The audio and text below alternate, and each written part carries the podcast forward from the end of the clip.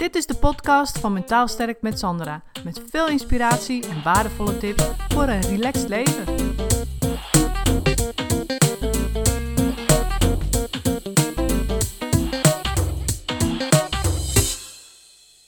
Het nieuwe jaar is net begonnen en de meeste mensen hebben goede voornemens. En ik heb er altijd een beetje moeite mee. Weet je ook dat verhaal van beste wensen voor het nieuwe jaar. En weet je, als je nu net iemand hebt verloren of je zit in een scheiding, weet je, dan, dan, dan heb je daar helemaal niks aan. Dan zit je gewoon nu in de shit. En heb je daar nu dus mee te dealen. En natuurlijk, het is heel aardig dat iemand dat wenst. Maar waarom alleen op nieuwjaarsdag? Weet je? En dan doet iedereen het. Dus het komt ook nog eens een soort van. Ja, uh, gemaakt over. Weet je, het is, het is niet meer spontaan, laten we eerlijk zijn. En ja, dan heb je dus het stukje goede voornemens. Dat, dat resoneert ook niet goed bij mij. Want wat zijn nu eigenlijk goede voornemens? Naar mijn idee zijn dat eigenlijk dingen waarmee je persoonlijk gaat groeien.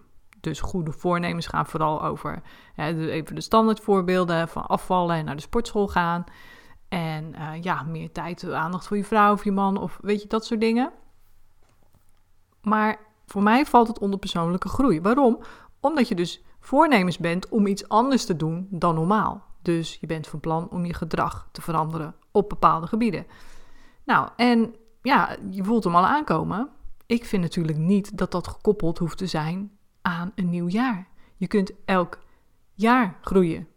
Je kunt elke dag groeien, je kunt elke week groeien, elke maand kun je goede voornemens hebben. Dus weet je, als ik naar mezelf kijk het afgelopen jaar, dan uh, zijn er toch bepaalde, op bepaalde momenten punten geweest waarvan ik echt um, goede voornemens had. Oftewel, waarin ik mezelf ben gaan trainen in andere nieuwe gewoontes.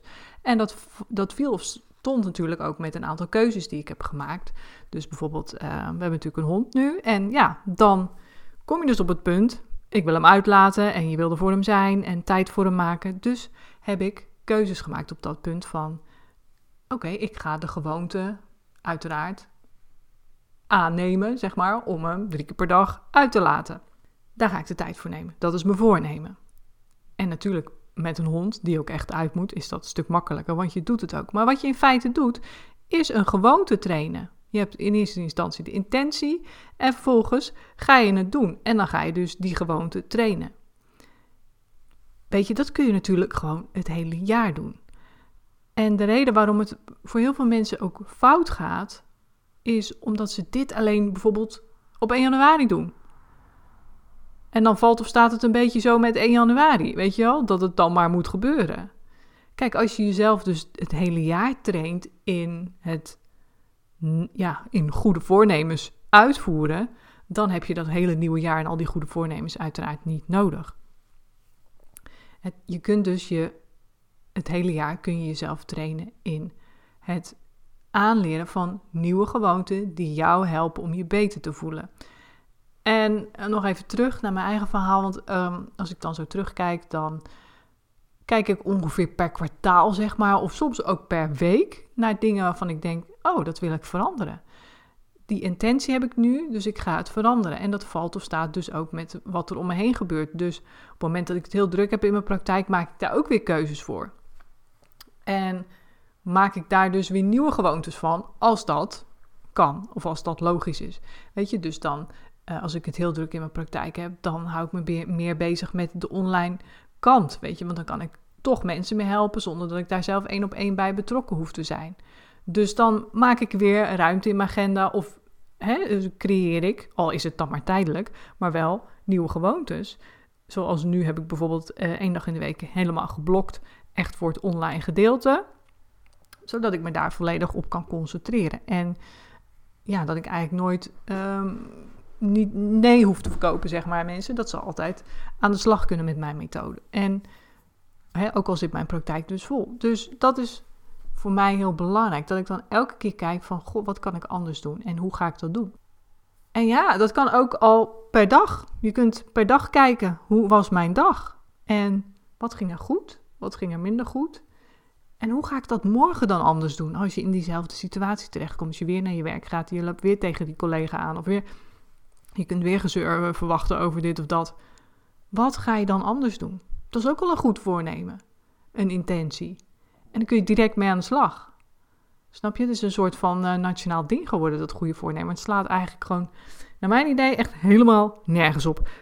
Voor mijn gevoel kun je jezelf het hele jaar trainen en dan vooral ook in gewoonte, maar ook dus in het managen van je hersenen, van je brein, van je mindset.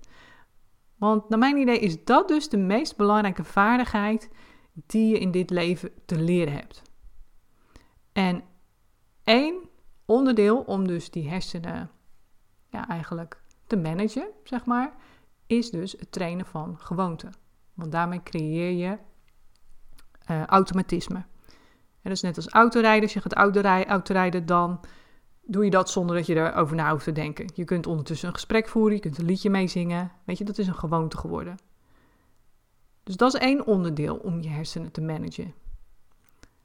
Maar er zijn nog een aantal andere dingen die je kunt doen om dat verstand, wat eigenlijk gewoon je, het allerbelangrijkste instrument in je hele leven is, om dat uh, te managen. En ik vind het woord manager wel mooi, want uh, ik, ik, zie dat woord managen als een soort van, uh, het soort van, ja, hoe noem je het? Uh, regelen van je verstand. Dus het omgaan met je verstand. En niet, dus dit is echt heel belangrijk. Het is, ik zeg niet, de controle hebben over je verstand. Want dan ga je weer naar een, een stukje, weet je, moeten toe. Ik moet de controle hebben over mijn verstand en over mijn gedachten. Nee, het gaat om, gaat om het managen van alles wat je brein kan. En ook waar je brein jezelf mee ja, verraadt, om het zo maar te zeggen. Of waar je jezelf mee, eh, je, waar je brein trucjes uithaalt. Weet je, dat is ook heel belangrijk. Bijvoorbeeld, je kent wel eh, misschien van tv die ene gozer, die heet uh, Victor heet ik weet zijn achternaam even niet, maar die heeft het programma Mindfuck. En nou, dat is een heel goed voorbeeld van wat eigenlijk ja, een heel goed voorbeeld is van hoe je verstand toch met je aan de haal kan gaan zonder dat je dat doorhebt. En dus de kunst is van het managen van je verstand, is dus dat je bewust wordt van ja, waar je verstand je eigenlijk, um, uh, hoe zeg je dat? Ja, wat eigenlijk een mindfuck is, zeg maar. En wat je zelf kan doen om dus dat verstand te managen. Nou, dus bijvoorbeeld die, die, dat mindfuck-programma, dan heb je dus uh, Victor en die doet dan, nou, ik zal een voorbeeld geven was een keer met, uh, was, was die in zo'n uh, veld van, van hoe heet dat, van die paintball, zo'n paintballveld, zeg maar. Nou, zat hij een bekende Nederlander en die kwam, nou, en die liet een contractje tekenen en op dat komt zo van, ja, je doet dit op eigen risico, bla bla. En hij vroeg haar, hoe laat is het? Nou, het was toen 12 uur, nee, het was 13 uur 24, 13 uur 24. Dus uh, zei ze, nou, keek op, zij keek op het horloge, 13 uur 24. Oké, dat schreef ze op op dat contract. Nou, heb ik handtekeningen eronder. En dan gingen ze. Nou, en er stonden dus vier paintballs klaar met nummer 1, 2, 3, 4. En zij, in een van die paintballs, dus zat een, uh, een paint, hoe noem je dat? Een paintball uh, pistool, zat dus zo'n paintballetje. En in die andere drie niet. En zij moest dus dan is het natuurlijk voor haar was het de kunst om die eerste drie eruit te halen die dus leeg waren. Want ja, dan wist je die laatste die over was, daar zat die bal in. En er werd op haar geschoten. Was iemand, zij stond voor zo'n schietschijf en er werd, was iemand, zij moest dan het nummer van, van het uh, geweer uh, noemen. En uh, iemand die, die schoot dan. Nou, en, en, en het was dus de bedoeling dat, dat het dan elke keer een leeg schot was. Dat daar niet zo'n paintballetje in zat. Dus daar ging ze. Nou, dus, dus vier, vier van die geweren stonden daar. Ze kon kiezen. Nou, en ze begon, ze begon eerst met één. En er zat niks in. Toen begon ze met drie. Nummer drie. Zat ook niks in. En toen begon ze met nummer twee. Zat ook niks in. Dus vier, dat was degene die ze had laten liggen tot het laatste. Daar zat die paintball in. En hoe kwam het nou dat ze dat dat gewoon goed ging? Dat was van, van tevoren gemanipuleerd. En dat dat kwam door die tijd. Want de tijd was 13 uur 24, dus dat had hij allemaal gepland. Dat, dat er dan precies 13 uur 24 uh, op haar horloge stond, zeg maar, op dat moment. En um, zij koos dus onbewust de volgorde van die nummers van die tijd. Dus ze koos 1, 3, 2, 4. En hij wist dat ze dat ging doen, want hij had hij natuurlijk onbewust beïnvloed van tevoren. Dus in die vierde, in nummer vier, zat die paintball.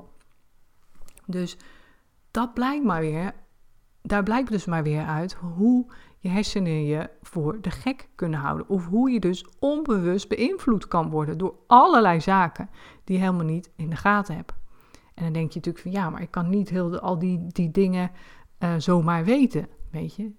Nee, en, maar je kunt wel heel veel erover leren. Ook bijvoorbeeld, hè, dus uh, als je in een supermarkt loopt, dan word je ook aan allerlei kanten onbewust beïnvloed. Weet je, er staat altijd muziek aan hè, in een supermarkt. En daar heb ik ook eens over nagedacht. Dacht ik, wat is daar nou toch mee? Wat willen ze daar nou mee bereiken? Wat is daar de onbewuste invloed van? Nou, als het bedoeld is om bijvoorbeeld op je rechterhelft in te spelen, dat is waar, die, waar je creatieve kant zit. En um, waar dus ook muziek thuis hoort, zeg maar. En uh, ja, misschien is het bedoeld dat je dus uh, die muziek hoort, dat je het op je creatieve kant inspeelt en dat je dan de logica en, en de ratio, dus de linkerhelft, wat meer loslaat en dus wat makkelijker of impulsiever gaat kopen. Ik weet het niet, dit verzin ik maar eventjes, maar het zou zomaar kunnen. En bij mij werkt het niet, want ik ben gewoon zo, die supermarkt kom ik al helemaal niet meer. Dat, dat weten jullie, ik laat alles bezorgen. Maar uh, al kom ik in de supermarkt, dan ben ik daar het liefst zo snel mogelijk weer weg. Juist vanwege die muziek. Want vanuit hooggevoeligheid zit je daar helemaal niet op te wachten. Al die rotherrie, weet je wel. Je probeert je te concentreren en allemaal mensen om je heen praten, bla bla. Dus bij mij, als, het al, als dit al de reden zou zijn, zou zijn bij mij werkt het niet. Hè? Dus, maar goed, ik bedoel maar, um, in, in de wereld om je heen, en zeker de marketing en als het om geld gaat en, en plaatsen waar je geld uitgeeft, word je onbewust gemanipuleerd. En dat heb je dus niet in de gaten. Nou, hè, dus, dus misschien ben je nu ook wat bewuster. Op het moment dat je een winkel binnenstapt, je denkt, hé, hey, wacht even, wat gebeurt hier eigenlijk? Waar word ik nu als eerste naartoe getrokken? Naar een of ander uh, rood bord waar uh, een kortingsactie op staat, weet je. Dat is ook al manipulatie, want rood trekt de aandacht.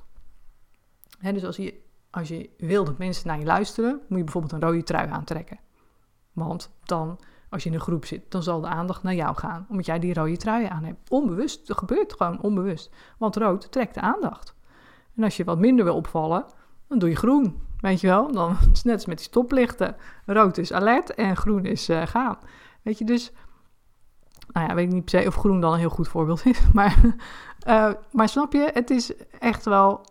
Je wordt aan heel veel kan, je hersenen worden aan heel veel kanten onbewust gemanipuleerd. En een aantal van die zaken die je dus, uh, waarbij, je, waarbij je zelf niet doorhebt dat je verstand dat met je doet, dus een aantal valkuilen van je verstand, die bespreek ik ook in mijn Eye-Opener Challenge. Dus die kun je, uh, die kun je, ja, die kun je vinden. Ik zal de link eventjes in deze aflevering erbij zetten.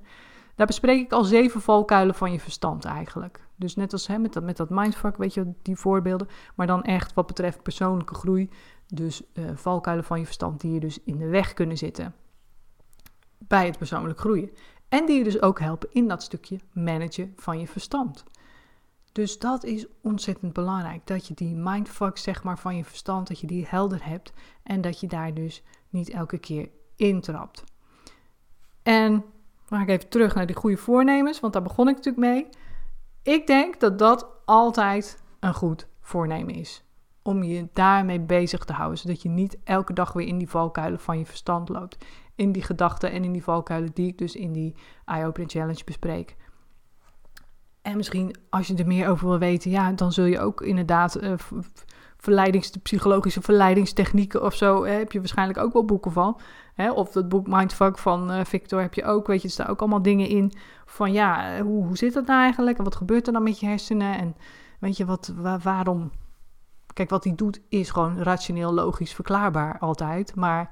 Uh, voor ons is het een illusie, omdat wij op dat moment niet meer logisch nadenken. Maar er is altijd een logische verklaring voor, voor wat hij doet. Maar bij ons lijkt het een soort van magie, weet je wel? Dus dat wil ik ook aan je meegeven. Van, zorg ervoor dat die hersenen voor jou, uh, dat dat niet een soort van magisch ding wordt waar je geen grip op hebt. Weet je, want dat hoeft niet. Je kunt je verstand leren managen. En nogmaals, ik geef je daarvoor de eerste zeven handvatten, de eerste zeven valkuilen, de eerste zeven tools geef ik je daarvoor in mijn Eye Opener Challenge. Dus ik denk dat het heel interessant voor je is om daarmee in ieder geval de eerste zeven mindfucks van je verstand te tackelen. En daar eens een keer voor jezelf mee aan de slag te gaan. En dus niet op 1 januari, maar gewoon op dit moment als je dit luistert. Dus ja, en zo. Dus vandaar dat ik ehm, eigenlijk niks heb met goede voornemens. En je kunt dus elke dag goede voornemens hebben. Einde van de dag bekijken. Wat ging er goed, wat ging er niet goed. Of aan het einde van de week. Ik heb zelf toevallig, omdat ik in de kerstvakantie uh, vakantie had, dus ik zit gebonden aan de schoolvakanties, heb ik in de kerstvakantie heel veel gereflecteerd, documentaires gekeken en weer heel veel inspiratie opgedaan. En ik dacht, oh ja, dat en dat, dat ga ik doen. Uh, maar ook de gewoontes die ik al aan het doen was. Dus bijvoorbeeld elke avond yoga, weet je, even een rondje lopen, al die dingen. Die ga ik, daar doe ik gewoon meer van, want het werkt goed. Dus wat goed werkt, daar doe ik uiteraard ook meer van. Dat is ook een intentie, dat is ook een voornemen. Weet je, maar het is wel goed om daar even bij stil te staan. Wat doe ik al wat werkt? En hoe kan ik daar eventueel meer van doen? Of ga het gewoon lekker volhouden? Dat is ook al een voornemen. Maar goed, ik heb dus die, die kerstvakantie en ehm, ja, toevallig valt het dan wel samen met 1 januari dat ik weer wat nieuwe uh, doelen heb en uh, voornemens en intenties. Maar goed, ik heb, uh, wat ik zei, alle schoolvakanties. Dus bij mij is het na elke vakantie sowieso, is het voor mij weer een, ja, dat is een belangrijk reflectiemoment waarin ik elke keer weer kijk van welke gewoontes heb ik nu getraind, waar kan ik meer van doen of wat gaat er veranderen in mijn business of mijn werk of mijn leven en welke nieuwe gewoontes of voornemens of intenties wil ik daaraan koppelen. En natuurlijk dan ook heel praktisch doelen maken. Zo super belangrijk. Dus het kan altijd. Dat is eigenlijk mijn verhaal. Bedankt voor het luisteren. Wil je meer weten over mijn online videotraining of wil je graag mijn 1 op 1 hulp via Skype of in mijn praktijk? Mail me dan op contact@mentaalsterkmetsandra.nl.